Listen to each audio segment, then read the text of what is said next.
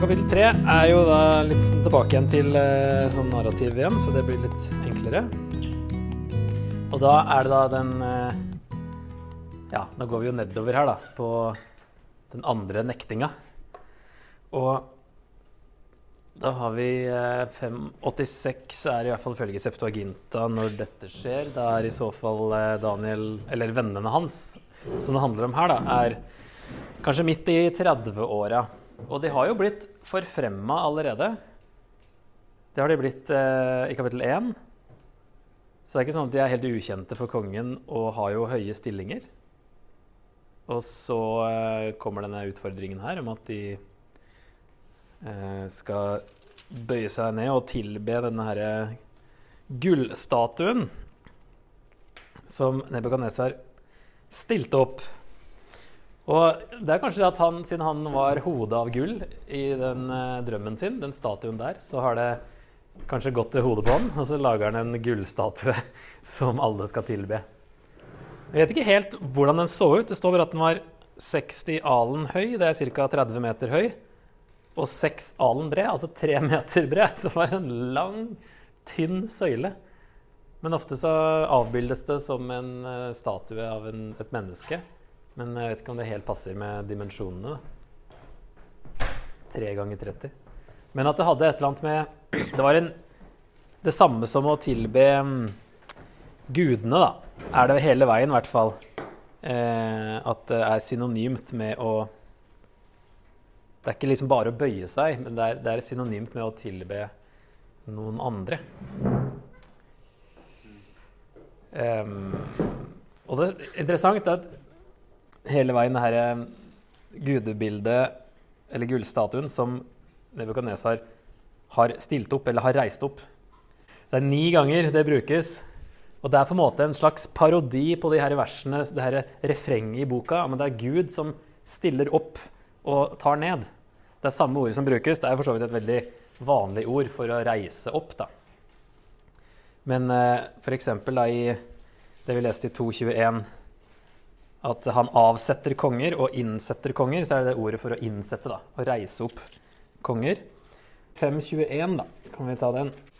Så står det at uh, inntil han forsto at Gud den høyeste rår over menneskenes rike og kan gi det til hvem han vil. Der er det også at han kan reise opp hvem han vil over det.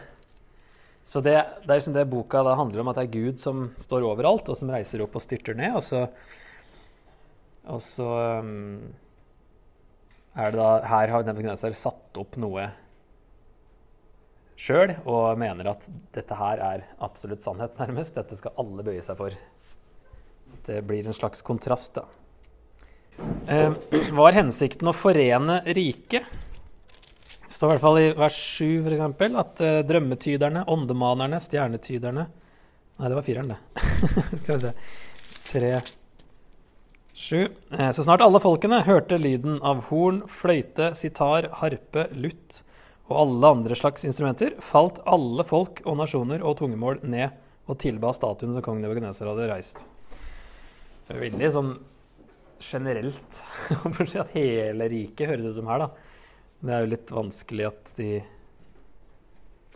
alle skulle være på samme sted. Men det skulle komme til innvielsen, da, står det for så vidt. Men at vi fikk nok ikke plass til absolutt alle fra hele riket. Men det står at vers eh, tre at de samlet seg til innvielsen. Da står det satrapene, guvernørene, stattholderne, rådgiverne, skattmestrene, dommerne, oppsynsmennene og alle provinsstyrerne samlet seg til innvielsen av statuen. Så det er mulig da, at det var for å lage noe, sånn, noe som skulle samle riket, og at eh, alle skulle liksom ha samme fokus. samme Gud, eller gjøre det samme her. Så, men å tilbe statuen det er det samme som å dyrke Nebukadnesars gud, står det da tre ganger som et synonym. Eh, men la merke til da, at i vers 17 så står det om den gud som vi dyrker, kan berge oss. Og det syns jeg var litt svakt sagt. om Gud kan gjøre det. Eh, og jeg sjekka de tidligere forrige 1978-oversettelsen hadde om så skal være, makter for Gud som vi dyrker og redde oss.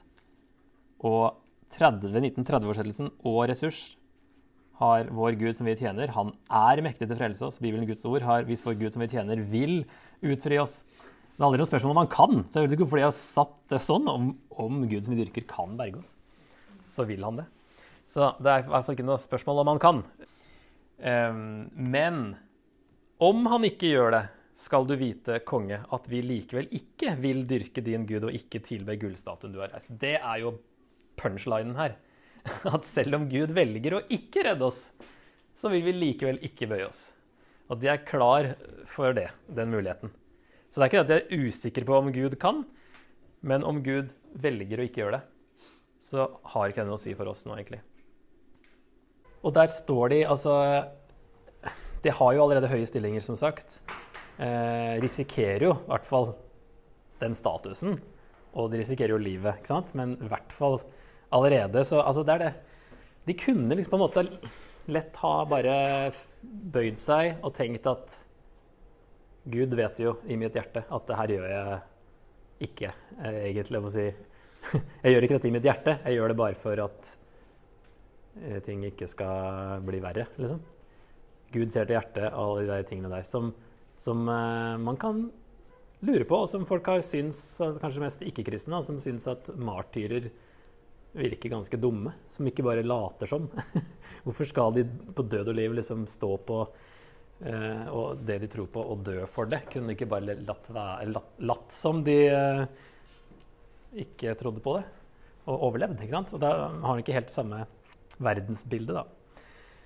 Men her kunne de gjort det for å beholde posisjonene sine, beholde livet sitt, ikke minst, men også for at kongen skulle være fornøyd, eh, arbeidsgiveren.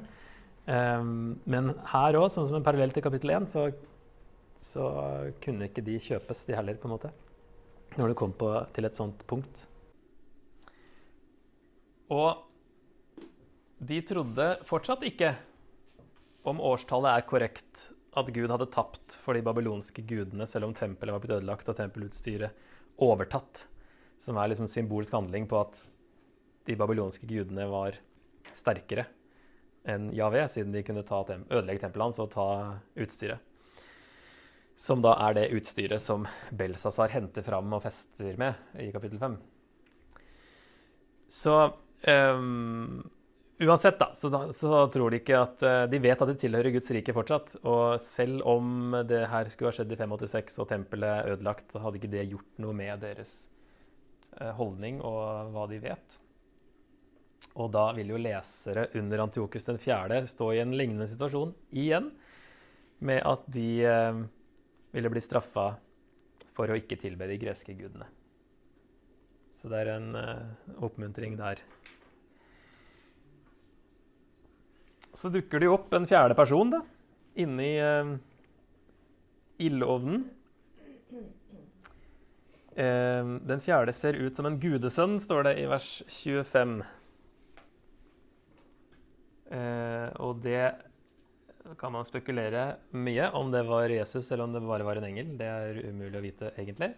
Det kan forstås begge deler. For så vidt er det jo da ikke Jesus før han blir født på jorda. Der må man si at det er Sønnen eller Kristus eller noe sånt.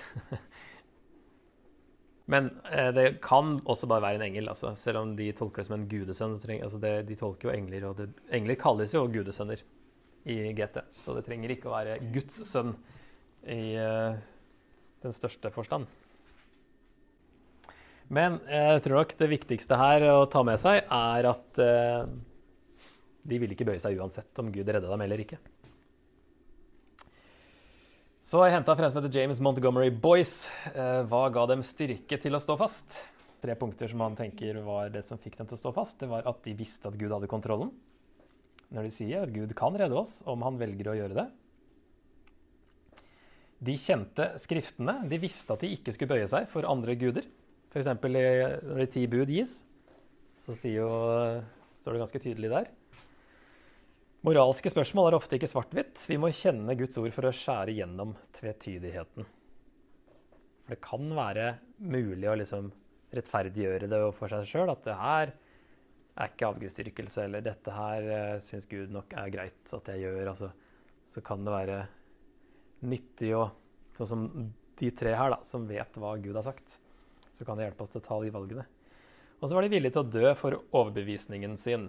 Mange vil ikke betale prisen for tap av popularitet eller ensomhet, latterliggjøring, forfølgelse eller økonomisk motgang. Bare de som er villige til å betale denne prisen, utgjør en forskjell, sier han da. Og så syns jeg han hadde en interessant eh, omformulering av denne utfordringen. Tre forskjellige måter det kunne vært sagt på som kunne gjort det mulig å på en måte rettferdiggjøre det, da. Og komme unna med å bøye seg. Bøye seg litt. Eller bøye seg mye, men gjøre det av en grunn. Um, så her oversatt det her. Den første kommer her, da. Dere tre er åpenbart oppriktige og dedikerte. Vi trenger flere som dere, og det, nettopp, og det er nettopp grunnen til at dere må lytte til fornuft i denne saken. For hvis dere ikke lytter og i stedet fortsetter i denne ulydigheten, kommer dere til å bli drept, og den fordelaktige innflytelsen dere har på Babylon, vil være over. Tenk for det første på at ulydigheten deres allerede er fullstendig misforstått. Dere tror at dere står for identiteten til den sanne Gud, men det dere gjør, blir faktisk oppfattet som politisk opprør, trass mot kongens ordre. Dere kommer ikke til å bli henrettet pga. religion, men for sivil ulydighet. Så hva hjelper, det, hva hjelper det å fortsette i denne opprørske tilstanden? Den rette kursen er å bøye seg, leve og utvide deres innflytelse på andre måter. Altså det her med at vi kan påvirke mer hvis vi ikke blir drept. Målet helliger middelet, som det heter. Eh, ja, men tenk på at jeg kan gjøre for Gud senere, hvis jeg nå bare cut some corners, som det heter, nå. Tar noen snarveier. Bøyer meg litt. Eh, så er ikke det i tankene til de her engang, at eh, det var en måte å tenke på. Eller en annen måte som kan være litt sånn forførende. Dere må forstå at Nebukadnesar faktisk er på deres side. Han trengte ikke å gi dere en høring, at de får en, en sjanse først. Da han gjorde det, trengte han ikke å gi dere en ny sjanse. Han har gjort disse tingene bare fordi han allerede er velvillig mot dere og liker dere. Han ønsker ikke å henrette dere. Jeg tror at hvis dere bare ville stå på avstand fra statuen og tippe hodet litt fremover Dere trenger ikke å bøye dere på bakken, så ville Nebukadneser være fornøyd med det og respektert dere desto mer. Han ville innse at det var en vanskelig ting for dere å gjøre, men at dere gjorde det for hans skyld. Det kreves modige menn for å inngå kompromisser på denne måten. det er jo fristende å tenke litt sånn. Kjære vene. Og så er det, kunne vært en som sa det sånn her. og Husk at det i NT står at en avgud er ingenting. Da er jo dette faktisk å falle ned og tilbe ingenting. Og det å tilbe ingenting kan jo umulig tolkes som avgudsdyrkelse. det visste jo de også. At det var jo egentlig ingenting, men likevel står de rett opp. Eh, eh rask oppsummering, kapittel tre. Um, igjen så kobler vi til, eh, til, Jesus og går via Jesus da når det kommer til sånn her um, Sånne anvendelser fra Gammeltestamentet. Jesus var fullstendig lydig mot Gud helt til døden for vår skyld.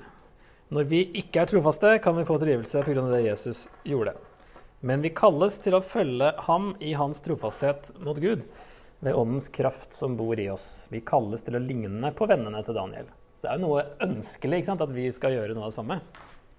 Men heldigvis har Jesus ordna alt, ikke sant? men vi kalles likevel. Så det er ikke avhengig, vår frelse er ikke avhengig av at vi står på samme måte hver gang. Hva ville vi ha gjort? Har vi samme holdning og da ofte i mindre alvorlige situasjoner. Vi kan ikke si 'alle andre gjør det jo', fordi vi tilhører et annet rike.